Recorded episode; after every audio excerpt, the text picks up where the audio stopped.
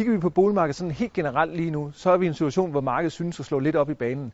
Det kan vi se ved, at der er færre handler, omsætningen i, i markedet er, er aftagende, liggetiden er længere, priserne de siver lidt. Men kigger vi på det sådan over en bred kamp, så er vi meget positive stadigvæk på, på huspriser, øh, hvorimod at øh, lejlighederne ser ud til at være kommet lidt under pres. Den her opbremsning, vi ser lige nu, den skal finde sin forklaring i, at øh, der er kommet strammere låneregler øh, oven på finanskrisen. Det er både noget med, at man skal komme med, med 5% i egenbetaling, at man skal opfylde nogle særlige krav, hvis man skal have variabel forrentet lån, og hvor mange gange man må belåne sin øh, indkomst. Alle de her regler, de er med til at, at gøre, at det bliver lidt sværere at, at låne til, til køb af, af bolig.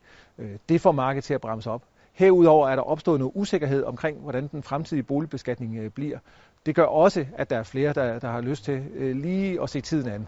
Sidst men ikke mindst, så er der også nogle steder i landet, hvor priserne simpelthen er kommet for højt op, både på lejligheder og huse. Det gør i sig selv, at, at der er mange, der lige overvejer, øh, om det er nu, man skal købe en bolig. Selvom boligpriserne er kommet meget højt op, og de lige nu er lidt under pres, så er der ingen grund til at fortvivle, hvis du står og skal sælge din bolig. Det handler om at sætte den rigtige pris øh, fra start, så viser al erfaring, at øh, de fleste boliger kan sælges.